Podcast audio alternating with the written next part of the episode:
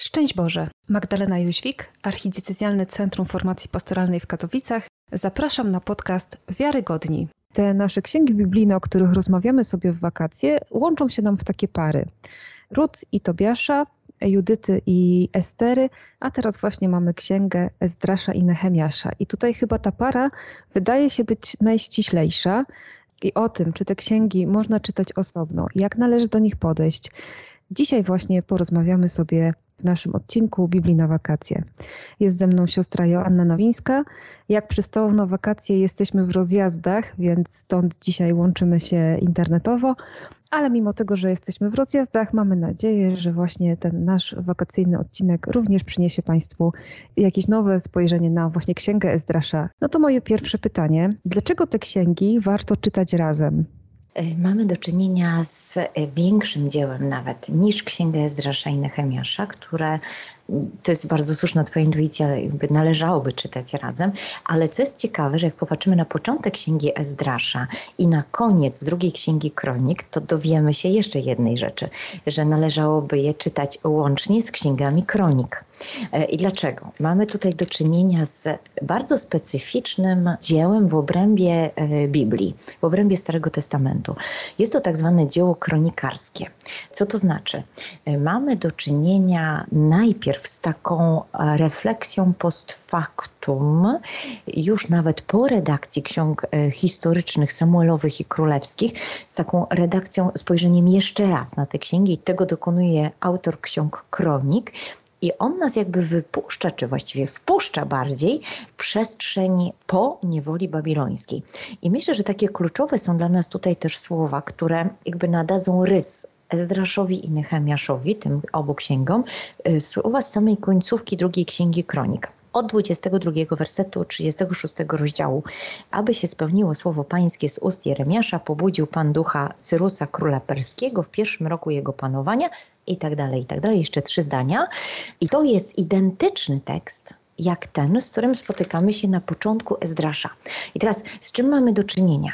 Mamy do czynienia ze wskazówką, że należałoby te księgi czytać razem. I teraz, kiedy otworzymy sobie Nehemiasza z kolei początek, to zobaczymy, właśnie sobie przekartkuję do Nehemiasza, że poza wprowadzeniem słowa Nehemiasza, syna Hakaliasza, oto gdy w miesiącu Kislew i tak dalej, i tak dalej, poza tym wprowadzeniem nie mamy żadnych innych informacji. Zatem odnosi się wrażenie, że to jest po prostu kontynuacja dlatego że Ezdrasz się kończy na liście kapłanów, którzy muszą oddalić swoje żony, a Nehemiasz się zaczyna jakby od nowego komentarza można by było powiedzieć, jakby w tym samym klimacie, aczkolwiek nie w tej samej sprawie. To jest ewenement tak naprawdę w księgach biblijnych, że są takie księgi trochę bez początku i bez końca. Czy tylko właśnie księgi kronik pomagają nam zrozumieć te księgi właśnie Ezdrasza i Nehemiasza? No bo tutaj w tekście pojawiają nam się dwaj prorocy, Ageusz i Zachariasz. Czy to ci prorocy, których później mamy księgi prorockie, księgę Ageusza i księgę Zachariasza? Czy czytanie tych ksiąg prorockich też nam jeszcze pomoże głębiej i lepiej zrozumieć księgę Ezdrasza? Tak, natomiast ja bym tutaj proponowała, żeby najpierw przeczytać sobie y, księgi Ezdrasza i Nehemiasza, potem przeczytać sobie Aggeusza, potem przeczytać znowu Ezdrasza i Nehemiasza, a potem przeczytać sobie Zachariasza. Dlaczego? E, dlatego, że... A te kroniki kiedy? A te kroniki kiedy? E, kroniki przed wszystkim żeby mhm. wiedzieć, mhm. gdzie zaczyna się, w jakiej sytuacji znajduje się naród wybrany w momencie, kiedy rozpoczyna się akcja literacka księgi y, Ezdrasza. E, dlaczego użyłam słowa akcja literacka? Dlatego, że nie mamy do czynienia z księgami, które są historyczne w naszym polskim rozumieniu. Bo my zazwyczaj rozumiemy historię jako relację z wydarzeń, obiektywną, aczkolwiek no, historię dawną, opartą na świadectwach pisanych, na jakichś artefaktach. Natomiast tu mamy do czynienia z teologią historii, czyli mamy do czynienia z selektywnym zapisem, z selektywną redakcją, której celem nie jest przekazanie nam tylko ścisłych faktów, ale pokazanie nam sposobu działania Pana Boga właśnie w tych faktach. Dlatego wszystkie okoliczności, które, z którymi się spotkamy, które są nam przedstawiane, one są jakby selekcjonowane czy filtrowane właśnie ze względu na Y, na to podstawowe kryterium. Gdzie widać działanie Pana Boga, gdzie widać Jego rękę, gdzie widać Jego zamysł. No i jeszcze jest jedna rzecz. To tak, moglibyśmy powiedzieć, że to księgi, które tak mega utrudniają lekturę, a z drugiej strony są bardzo, mm, no bardzo proste w samym przekazie. Y, mamy do czynienia z księgami, zarówno kronikarskimi, y, tym pierwszym, pierwszą, drugą kronik, jak i Ezrasza i Nehemiasza, zapisanymi prawdopodobnie w okresie perskim. I tu analogicznie Ageusz i Zachariasz. Z tym, że wydaje się, że kronik mogą być późniejsze jeszcze, ale Ezdrasz i Nehemiasz na pewno są z czasu perskiego, bo jest także słownictwo perskie pojawiające się w toku księgi. Zatem musimy sobie włączyć tutaj poznanie, czy jakby taką elementarną wiedzę jeszcze jednej mentalności i sytuacji Izraela właśnie z czasów perskich. Co takiego szczególnego musimy wiedzieć właśnie o tym okresie perskim, żeby zrozumieć te księgi? To, na co zwracaliśmy uwagę na przykład przez Terze. Musimy uświadomić sobie, że mamy do czynienia z inną kulturą, inną strategią, która y, ogarnia sytuację Izraela, czyli nie mamy już do czynienia z mocarstwem, które praktykuje wysiedlanie, nie mamy do czynienia z mocarstwem, które w jakikolwiek sposób usiłuje wykrzewić kulty e, na rodzim, jakby nie, nie szanuje takiego bardziej powiedziałabym, takich rodzimych zapatrywań narodów, które podbija, lecz e, mamy do czynienia z mocarstwem, które co do wielkości to chyba od niego większe będzie tylko mocarstwo Aleksandra Macedońskiego, potem przez chwilę, czy Cesarstwo Rzymskie. Mocarstwo perskie jest, po prostu ma taki etap rozwoju, no, no po prostu mega. E, I to jest czas właśnie, prawdopodobnie czas ten akcji opisany we Zdraszu. Podział państwa dokonany jest na satrapie. To są takie e, nieuwzględniające do końca granic państw podbitych przestrzenie, może czasem dzielące właśnie te państwa podbite po to, żeby lepiej ogarnąć ich rzeczywistość. No i e, jeszcze jedna rzecz, że pojawiają się nam właśnie namiestnicy. I to jest e, chociażby tekst e, z Ezdrasza z piątego rozdziału z szóstego wersetu, kiedy mamy Tatenaja, namiestnika Transeufratei, Isztar Boznaja oraz jego towarzyszów. I pojawia się ta nazwa Transeufratei Maja, który najprawdopodobniej jest określeniem e, dużego obszaru satrapii obejmującego między innymi e, oba królestwa Izraela, czy przynajmniej częściowo Królestwo Północne, a na pewno całe południowe. Bardzo mało wiemy o tym okresie.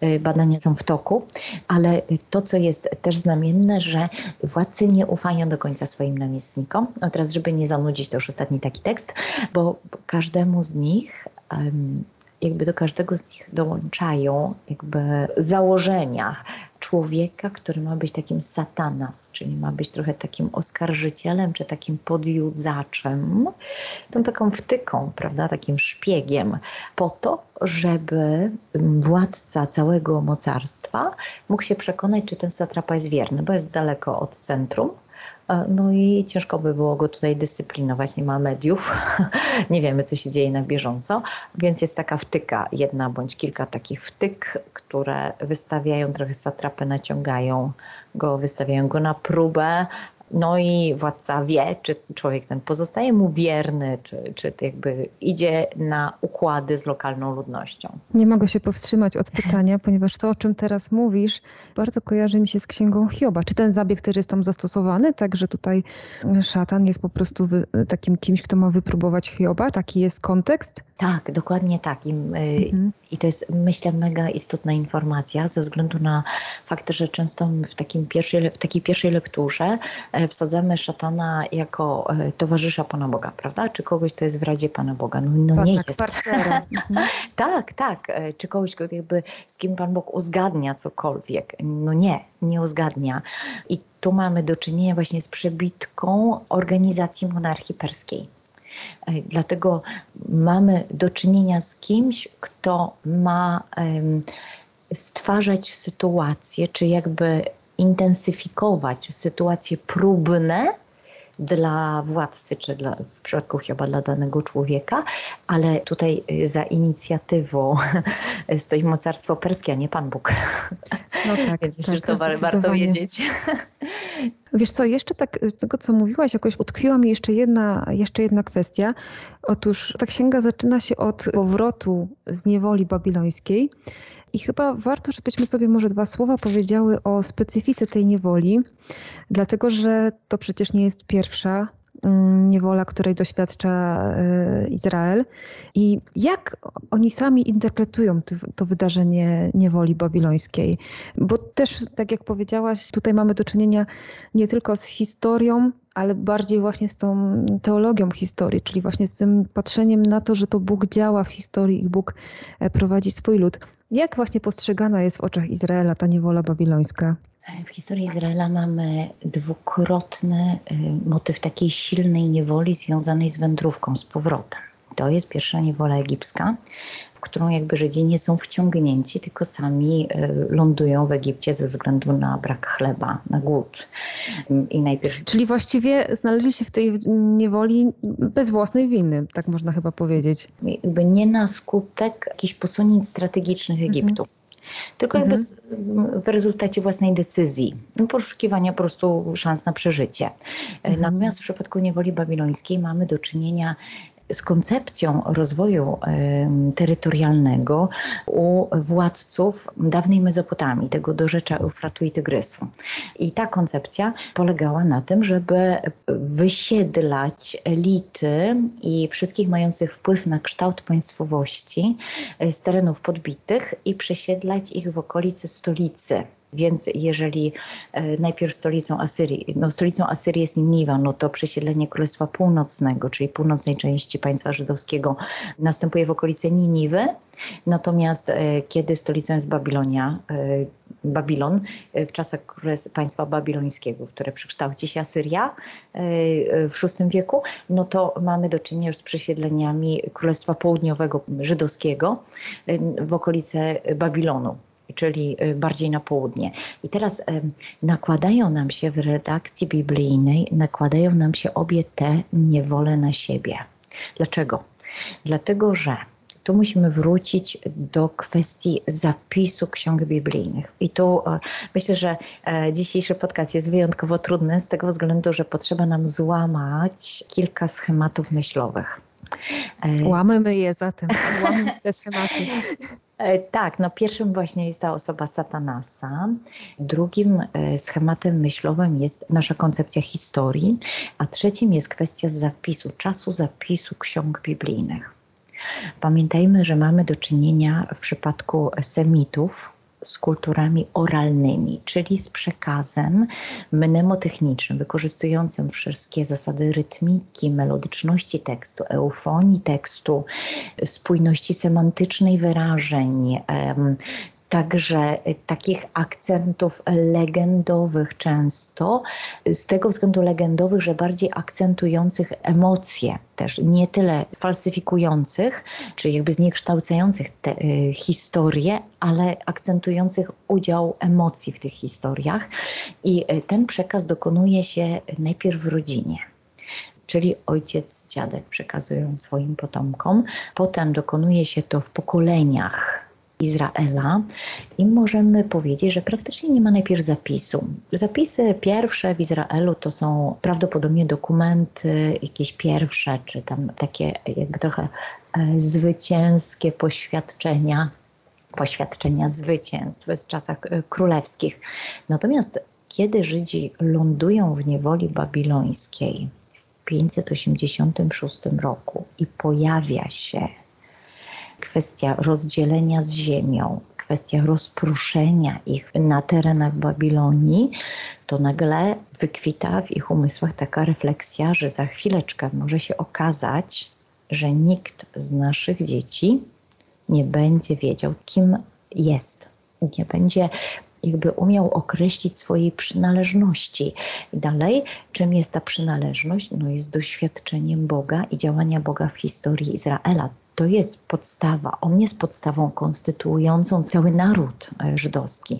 Zatem, e, ponieważ jest rozproszenie, nie ma też świątyni, nie ma tych punktów jakby zbiorczych, prawda, punktów spotykania się, Jasne, że jest koncepcja, czy rodzą się synagogi, to jest raczej wątpliwa, żeby rodziły się w Babilonii, więc powstaje mm, jakby pytanie, co zrobić, żeby tą historię utrwalić. Zatem pojawia się myśl o zapisie. I teraz dokonują się dwie rzeczy. Na zapis niewoli egipskiej nakłada się doświadczenie Babilonii na zapisy ksiąg historycznych nakładają się, czyli tam od Jozułego sędziów e, po obie królewskie, nakładają się doświadczenia e, z czasu niewoli babilońskiej, dokładnie doświadczenie pytań dylematów, e, jakby wszelkiego rodzaju rozterek, e, tych wątpliwości, dlaczego myśmy się tu dostali do niewoli babilońskiej, czy nasz Bóg przegrał, czy to jest wina królów, czy wina proroków, czy nasza wina, czy jakaś kara, czy co. I teraz w związku z tym, by mamy do czynienia z zapisem w czasie niewoli babilońskiej pierwszych tekstów, tak naprawdę całych, i opis powrotu z niewoli babilońskiej. najpierw doświadczenie powrotu z niewoli babilońskiej, kiedy Cyrus przejmuje panowanie nad Babilonią, to to doświadczenie będzie materią także do zapisu powrotu z Egiptu do Kanaanu. Dlatego mamy do czynienia z czymś, co jest niesamowite, dlatego że nagle mamy do czynienia z nakładaniem się doświadczeń i moglibyśmy tutaj użyć też polskiego określenia, że historia kołem się toczy. I, w przypadku e, Izraela rzeczywiście to widać, prawda? Tak, i że e, realia się zmieniają, zmienia się otoczenie, zmienia się przestrzeń, ale emocje pozostają. Mhm. Dlatego mamy tu do czynienia z nakładką tych dwóch niewoli i tych dwóch powrotów na siebie. I tu dochodzi jeszcze jedna rzeczywistość, ponieważ Abraham wędruje z Ur chaldejskiego, czyli Ur babilońskiego do Kanaanu i jego marsz, najpierw do Haranu, a potem do Kanaanu, jego marszruta to tak naprawdę moglibyśmy powiedzieć ta trasa takiego zbierania ludzi w drodze powrotnej z niewoli babilońskiej. E, I w tym momencie ktoś z naszych słuchaczy ma wrażenie takiego jednego wielkiego kotła zupy, do którego wszystko zostaje wrzucone. Jest pytanie, jaki to jest sens? To biblijny cel jest jeden, cel zapisu biblijnego jest jeden. Rozpoznajmy, w jaki sposób działa Bóg, ponieważ On tak samo działa w naszym życiu. Zatem nie jest istotne, kiedy dokładnie to było, ani nie jest tak bardzo istotne, czy to były opuszczane realia egipskie czy babilońskie, ale jest istotne, jak Bóg podał nam rękę, co było ważne, żeby usłyszeć Jego głos i żeby po prostu za nim iść i nie cofnąć się bądź się nie zatrzymać. Kiedy tak o tym opowiadasz, to mam takie wrażenie, że dobrze byłoby rzeczywiście czytać Pismo Święte w kontekście wszystkich ksiąg, tak właściwie o tym, o czym opowiadasz, żeby widzieć te nakładki, widzieć te odniesienia i wtedy dopiero się widzi chyba ten głębszy sens i też tą, ten zamysł autora natchnionego, który chciał nam też to pokazać, tak, tą pewną zbieżność tych wszystkich wydarzeń.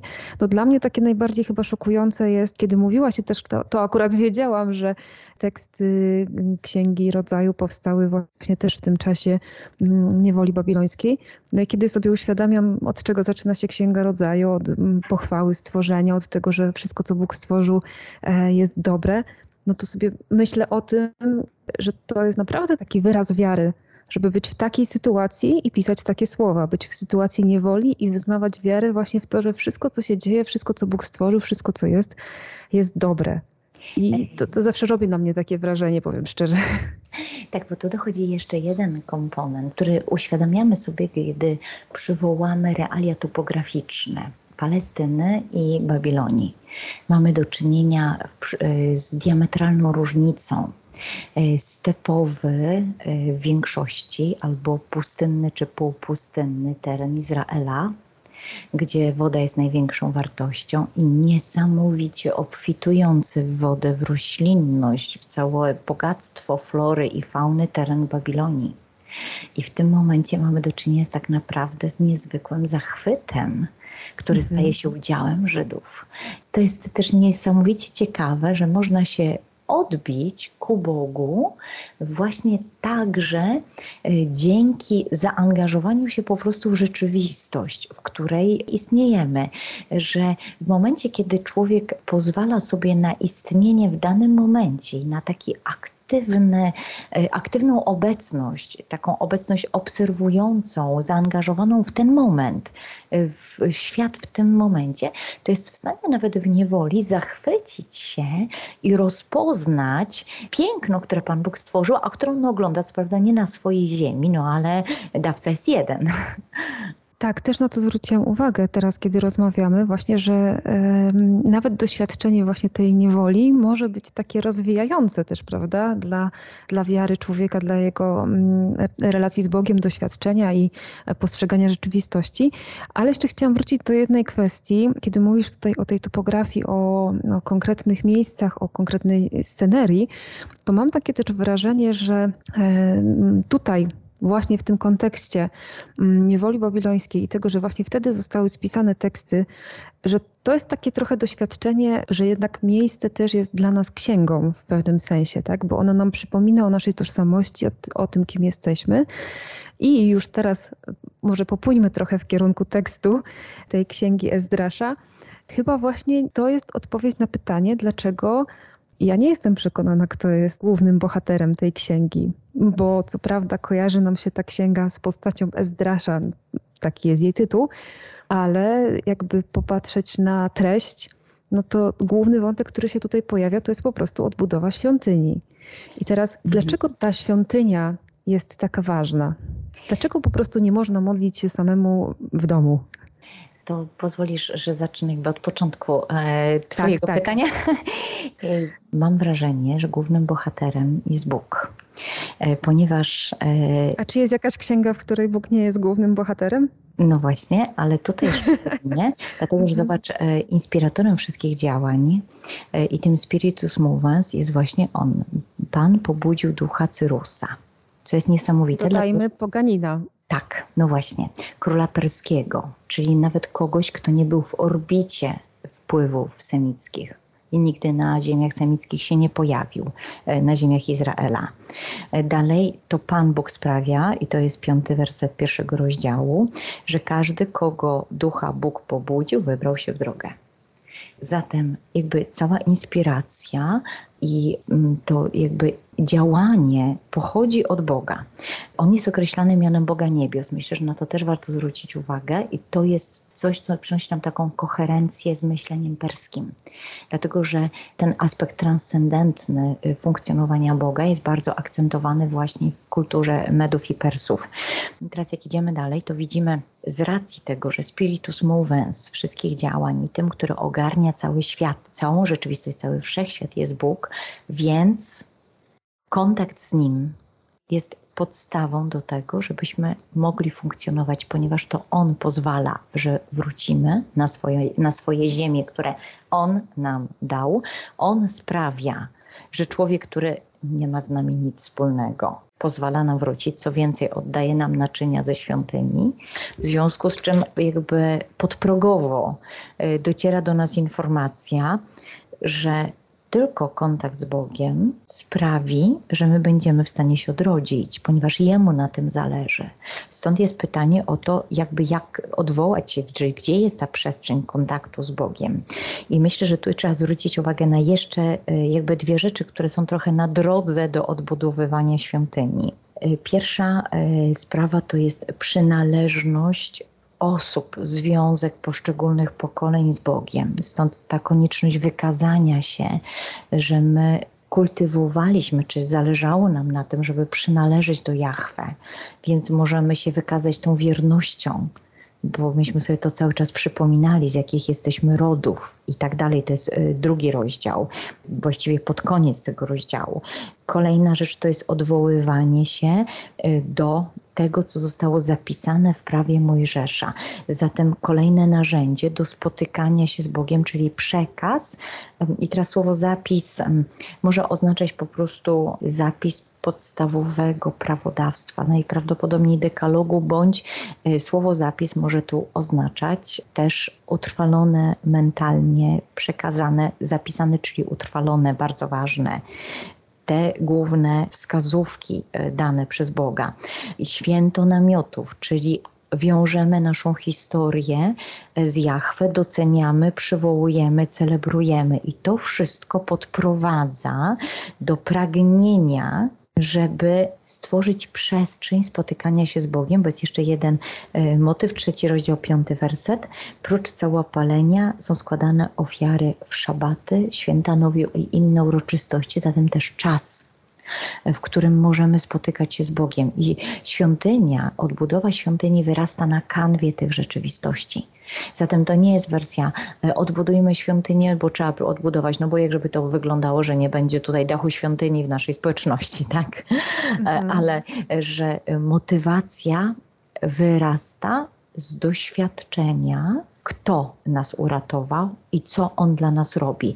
I tutaj jakby w kontrze jest Ageusz, bo Ageusz wskazuje na problemy z odbudową świątyni, na taką prywatę, no co tu się dużo dziwić, oni wracają tak naprawdę do wielkiej biedy i nie tyle do zgliszcz, no ale do zniszczeń na swoich terenach, więc jakby ta motywacja, czy może nie tyle motywacja, co jakby nadzieja jest bardzo słaba no jak my się odrodzimy, skoro y, no nic nie ma, tak? To z czego my mhm. odbudujemy? Cokolwiek, domy, a i świątynie. No pytanie właśnie, co pierwsze, prawda? Czy odbudowywać y, domy, miasta, czy odbudowywać mury? Potem będziemy chyba mieć mury właśnie mhm. u Nehemiasza. E, czy najpierw właśnie odbudować świątynię? I tutaj widzimy, że jednak wygrywa, wygrywa świątynia. Tak, y, dlatego właśnie kartkuję do, świąty- do tekstu Ageusza, dlatego że tu jest taki faj- takie fajne stwierdzenie, E, myślę, że jako e, księgę bardzo związaną ze Zdraszem warto, e, warto ją przeczytać. Mamy zapewnienie ze strony Pana Boga, rozważcie tylko czasy obecne i minione, zanim ułożono kamień na kamieniu w świątyni, zanim one były. Gdy się przyszło od stogu na 20 miar, było tam tylko 10. Gdy się przyszło do tłoczni, by zaczerpnąć 50 miar, było tylko 20 i rozważcie, czy ja nie mogę sprawić, że będzie lepiej. I mamy Boga, który mówi, że to ja jestem e, sprawcą wszelkiej waszej pomyślności, wszelkiej pomyślności w waszym życiu. No bo tak naprawdę no, od Boga otrzymujemy instrukcję obsługi całej rzeczywistości siebie, świata, historii, i Pan Bóg mówi, no gdybyście, tu nie chodzi o to, że najpierw zbudować Panu Bogu i mieć taki poziom po prostu zdenerwowania i wściekłości, że no my nie możemy normalnie funkcjonować, bo musimy dać na Boga, tylko mhm. mamy Boga, który mówi, wiesz, to nie chodzi o sam fakt budowli. Chodzi o Twoje spotykanie się ze mną. I teraz moglibyśmy powiedzieć faktycznie, możesz to robić wszędzie. No ale jest pytanie, czy naprawdę masz pewność Bożej obecności wszędzie? I czy masz tą namacalność. I to jest trochę też psychologiczny element, bo mhm. jesteśmy w stanie poddać wątpliwość obecność Boga, e, na przykład w górach. Bo jakby, dlaczego? Dlatego, że bardzo szybko nasza uwaga się rozprasza. I po trzech minutach kontemplacji, czy po pół godzinie już nas zajmują mrówki, które nas gryzą w nogi, tak, czy muchy, które latają nam koło nosa. I automatycznie się rozpraszamy czy barany, które nagle zaczynają gdzieś beczeć. A w przypadku świątyni mamy przestrzeń, która jest absolutnie cała ukierunkowana na Jachwę. Jak sobie też przypominamy z Nowego Testamentu działanie Jezusa, no to jest właśnie ku temu prowadzące. No to teraz już się wszystko wyjaśniło. Dlaczego ten Pan Jezus tak się zdenerwował w tej świątyni? E, tak, e, dlatego że na dziedzińcu pogan, czyli w jedynej przestrzeni, gdzie poganie mogli przejść e, i mieć tą swoją ciszę przebywania z Jachwę, to społeczność żydowska zrobiła sobie targowisko. Mhm. Mam takie wrażenie, że możemy się właśnie od Izraela uczyć tak, dobrze słyszysz. Myślę, tak, że, tak, że, tak. Że, że, możemy się uczyć. Tak, ale jestem absolutnie za. myślę, że możemy się, myślę, że możemy się uczyć właśnie mm, takiej weryfikacji swojej wiary i swojej relacji z Bogiem. Bo tutaj wspomniałaś o tym, że budowa świątyni wynika jakby z innych jeszcze praktyk i z innych jeszcze sposobów właśnie odpowiadania, odpowiadania Bogu. I ta świątynia jest, mam takie wrażenie, tak mi się nasunęło, kiedy mówiłaś, dla wierzących że świątynia jest dla tych, którzy wierzą, którzy już przeszli jakąś drogę. No i oczywiście, że kojarzy mi się to z naszymi dzisiejszymi czasami z różnymi problemami i oczywiście ze standardowym chodzeniem bądź niechodzeniem do kościoła. I intuicja mi jako teologowi podpowiada, że jeżeli jest problem z tym chodzeniem, to najprawdopodobniej problem nie jest z samym dojściem do miejsca, mhm. Ale i, czy nawet z organizacją czasu, ale problem jest gdzieś właśnie z tym, z tym wszystkim, co poprzedza to pójście. Tak? Co, co poprzedza, co, co, co jest jakby mm, innymi składowymi czy innymi elementami naszej rzeczywistości. Więc zajmowanie się problemem chodzenia bądź niechodzenia do kościoła od samej trasy, czy od samej częstotliwości uczestnictwa we mszy niedzielnej na przykład, no to chyba trochę jest od wierzchołka góry lodowej. E, tak. E, myślę, że tutaj e, bardzo się to uwidacznia w określeniu, które Biblia, którego Biblia używa, księgi historyczne czy właśnie dzieło kronikarskie na określenie świątyni. To nie jest hekal, to jest bajt, czyli dom. I to jest niesamowite, bo to jest dom Jahwe. Czyli chcemy, żeby wśród naszych domów mieszkał wśród nas jakby, żebyśmy sobie potwierdzili. Znaczy, my potrzebujemy tego potwierdzenia, tego Boga obecnego wśród nas. Dlaczego? Bo Bogu chodzi o relacje. Nie mamy to do czynienia z niedostępną górą, na którą idzie jedna osoba na rok, ale mamy do czynienia z przestrzenią bliską, jasne z przestrzenią, do której trzeba dojść, i ta droga też jest takim miejscem czy czasem refleksji, ale mamy do czynienia przede wszystkim z osobą, która chce budować z nami relacje. Teraz na tyle się, na ile rozpoznam to pragnienie Pana Boga, budowania ze mną relacji, na tyle mnie to przyciągnie, czy jego atencję wobec mnie, zainteresowanie mną, jego obecność w moim życiu, działanie, na tyle mnie to przyciągnie do spotkania z nim, bo jak będę chcieć bliżej być.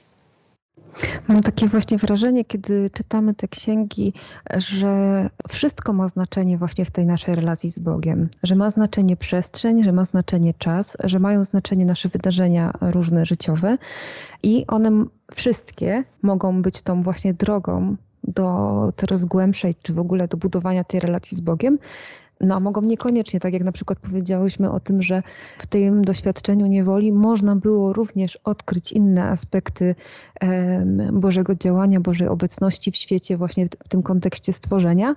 No ale też dobrze wiemy, że z jakiegoś powodu bardzo konkretnego Izraelici jednak chcieli wrócić do swojej ziemi, prawda? Że to dla ich tożsamości, dla ich budowania relacji z Bogiem było bardzo istotne. Tak. I ja bym tutaj zwróciła uwagę jeszcze na jedną rzecz. Jak przyglądamy się Księdze Zdrasza, jak czytamy Księgę Zdrasza, to widzimy, że na przykład mamy do czynienia e, z działaniem Boga, choćby poprzez podsunięcie królowi Dariuszowi dokumentów potwierdzających e, tą decyzję Cyrusa odbudowy świątyni. No to jest niesamowite, dlatego że moglibyśmy powiedzieć, no kto by na to wpadł. Paralela e, do e, księgi Estery gdzie Artaxerxes czyta kroniki pałacowe, bo nie może zasnąć i tam spotyka się z mm, taką, moglibyśmy powiedzieć, no takim, takimi peanami na czyść Mardocheusza. I to jest też niezwykłe, bo doświadczenie tego przebijania się działania Pana Boga przez każdy element rzeczywistości, ono sprawia, że, y, że Żydzi są i każdy z nas jest też pociągnięty prosto do Niego. I dzięki temu też człowiek jest w stanie zmieniać swoje decyzje. Aczkolwiek myślę, że jak patrzymy na te dekrety y, zapisane tutaj w oryginale po aramejsku, tutaj jako te wtręty y, w księgę, w tekst hebrajski, dekrety królewskie, nagle mówimy, no król zmienia zdanie w obszarze dwóch, trzech rozdziałów. No jak żeby to y, mogło się faktycznie zdarzyć, ale to też wszystko dzieje się w taki przedziwny sposób za inspiracją ze strony Pana Boga. I nagle, y, kiedy pojawia się sprzeciw wobec odbudowy świątyni, to Żydzi odpowiadają, że my nie przestaniemy e, odbudowywać. Kiedy jest właściwie jest negacja, jest, e, jest problem, jest e, donos do władz perskich, Żydzi mówią, my jesteśmy sługami Boga nieba i ziemi i odbudujemy dom, ponieważ Cyrus na to pozwolił, Bóg tego chce, my tego chcemy, koniec. I nagle człowiek sobie myśli, jak wiele w naszym funkcjonowaniu zmienia odkrycie żywego Boga, który działa naszej historii i działa teraz. To sprawia, że człowiek zweryfikuje, zweryfikuje swoje decyzje, ale jest też w stanie od, odstąpić od swojego wrodzonego tchórzostwa. Mhm. No to na koniec y, muszę zadać to pytanie, dlatego że y, no chyba brakuje nam do tej naszej rozmowy jeszcze tego y, elementu, jeszcze tego puzelka. Co z tym Ezdraszem? Kim on tutaj jest? I dlaczego dopiero pojawia się w siódmym rozdziale? Syn Serajasza, syna Azariasza, syna Hilkiasza i tak dalej. Mogłabym czytać właściwie cztery wersety. Bardzo, bardzo rozbudowana genealogia Ezdrasza, który jest kapłanem bo na końcu tego rodowodu w siódmym rozdziale zostaje podane, że jest on e, z rodu Aarona. Kapłan, uczony, e, pisarz dokładnie, biegły w prawie mojżeszowym, doświadczający obecności Boga, a bardziej doświadczający tego, czyli tak autor natchniony go opisuje, e, jako człowieka, którego, nad którym była ręka Pana Boga i nad sytuacjami, w które on wchodzi.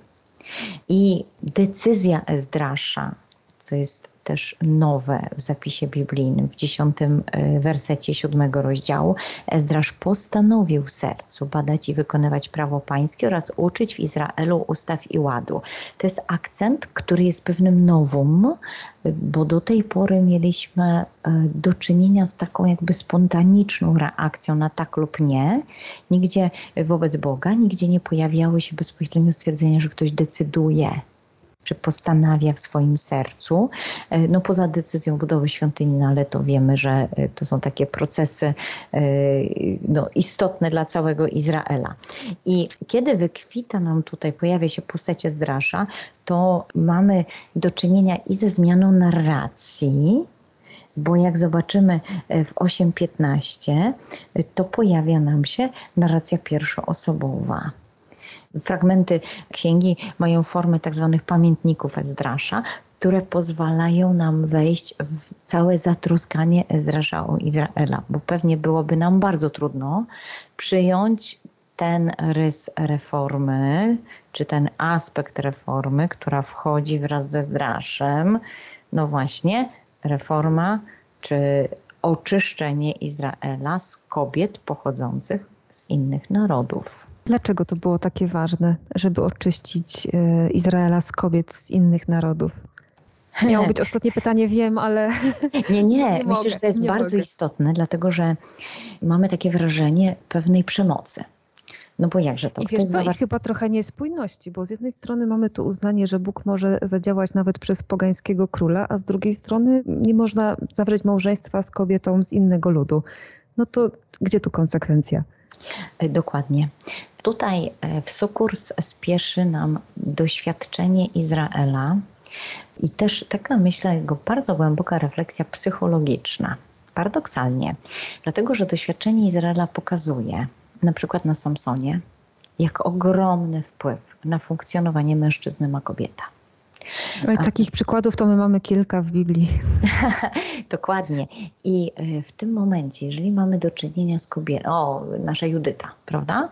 Mhm. Siła, y, siła funkcjonowania, czy y, słaba Estera, która jednak okazuje się sprytniejsza od wszystkich, y, silniejsza też psychicznie, kiedy mamy do czynienia z kobietą czczącą obcych bogów poza Jahwe, to ona bardzo szybko jest w stanie, co widzimy na przykładzie Salomona, człowieka o sercu słuchającym przecież, czyli zasłuchanego Boga, jest bardzo szybko w stanie ściągnąć mężczyznę do kultu, którym sama jest. Zwłaszcza jeżeli jest to kult orgiastyczny, jeżeli jest związany z prostytucją sakralną, e, jeżeli jest związany z rytami płodności czy z wegetacją, bądź rytami, które sprawiają wrażenie szybko efektywnych, takich fast foodów.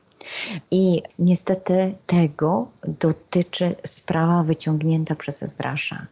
I tutaj nie chodzi o to, że Izrael uważa małżeństwo za rzeczywistość nietrwałą, czy za rzeczywistość, którą ktoś z zewnątrz może ingerować, ale że pierwsze przed e, relacją personalną z drugim człowiekiem jest relacja z Bogiem, ponieważ to Bóg utrzyma potem będzie tym spoiwem w sytuacjach rozpadania się relacji wzajemnych.